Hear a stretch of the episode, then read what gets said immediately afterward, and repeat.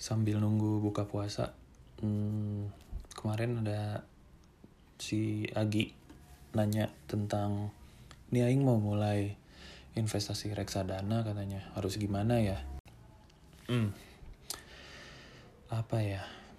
Mungkin banyak juga nih yang baru mau mulai.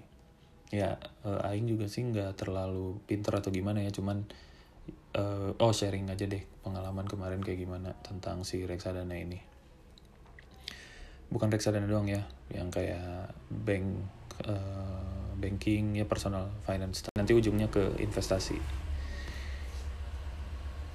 Ntar, gandeng. Oke. Okay.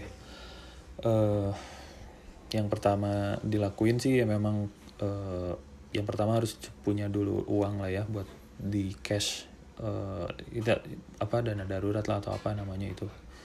Jadi yang pertama kumpulin dulu duit sendiri di rekening dan dan katanya kebanyakan orang sih rekeningnya nggak boleh satu. Ya uh, aing juga gitu sih. Banyak rekeningnya. Ada yang uh, rekening sehari-hari ada yang tanda kutipnya tabungan biasa lah. Duit ngendep di situ. Nah si tabungan yang uh, untuk ngendep itu kita kumpulin dulu sampai jumlah tertentu. Jumlahnya terserah mau segimana hitung-hitung aja. Dari uh, pengeluaran bulanan. Nah, ini juga penting nih. Coba pakai aplikasi uh, pencatat ke apa pengeluaran gitu yang kayak pemasukan pengeluaran. Jadi nanti di saat itu bisa tahu cash flow tiap bulan tuh positif atau negatif. Kalau negatif berarti besar pasak daripada tiang kan. Kalau misalnya lebih berarti kalian udah bisa nabung.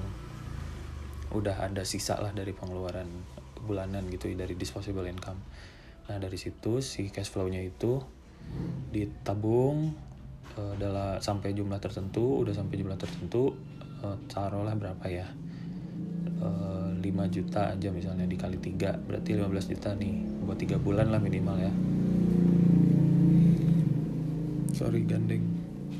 Udah 3 bulan 3 kali 15 15 juta udah gitu no, uh, baru coba uh, masukin ke reksadana atau investasi-investasi lain. Nah, apa itu reksadana? Apa itu investasi? Apa ya kalau menurut aing ya?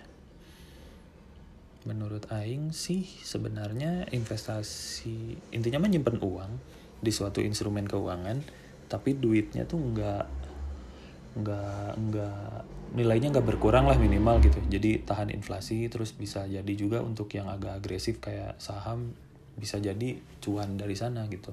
Nambah uh, misalnya ditabung setahun uh, value value nya jadi nambah jadi misalnya dari asalnya sepuluh ribu uh, misalnya ditaruh uh, satu bulan jadi lima belas ribu kayak gitu. Nah apa yang harus dilakukan? Banyak kalau untuk sekarang sih kita bisa uh, daftar lewat platform online yang kayak uh, apa ya sebutin aja lah ya Uh, kalau aing sih pakainya iPod iPod Indo Premier bisa juga pakai bibit dan lain-lain. Uh, yang reksadana apalagi ya cuman tahu itu sih. Nah terus daftar di situ. Nah udah daftar tuh nanti bakal punya yang namanya rekening dana nasabah atau RDN nah rekening itu tuh uh, terpisah dari rekening bank yang biasa kita untuk operasional sama untuk tabungan itu tadi. Jadi kayak ada kantong khusus. Jadi kita nanti masukin duit ke kantong khusus itu. Dari setelah duit itu masuk ke kantong khusus nah baru kita bisa belanjain di investasi-investasi yang lain.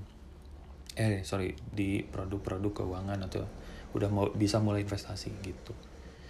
Simpelnya gitu sih gampang soalnya uh, intinya uh, bikin RDN duitnya transfer ke RDN kayak transfer ke duit bank biasa transfer duit ke rekening bank biasa. Nah dari situ bisa di dari situ duitnya bisa dipakai buat beli reksadana beli saham sekalian juga bisa beli apa lagi ya obligasi uh, pemerintah surat utang banyak. Udah segitu aja. Cepet 5 menit cukup um, selamat mencoba. Uh, jangan ditabungin doang duitnya mending taruh investasi lah biar sengganya nilainya nggak turun uh, dari waktu ke waktu gitu. Mantap. Untuk bahasan mengenai investasi reksadana tuh apa bedanya reksadana sama saham kayak gimana obligasi itu apa ntar uh, ntar dibahas uh, misah aja. Ini mau buka soalnya. Intinya cuman yang tadi cuman uh, apa kalau ada pemikiran yang kayaknya bisa ditumpahin secara langsung cepet jadi langsung bikin aja gitu. Biar nggak hilang. Sekian. Sampai berjumpa lagi. Ada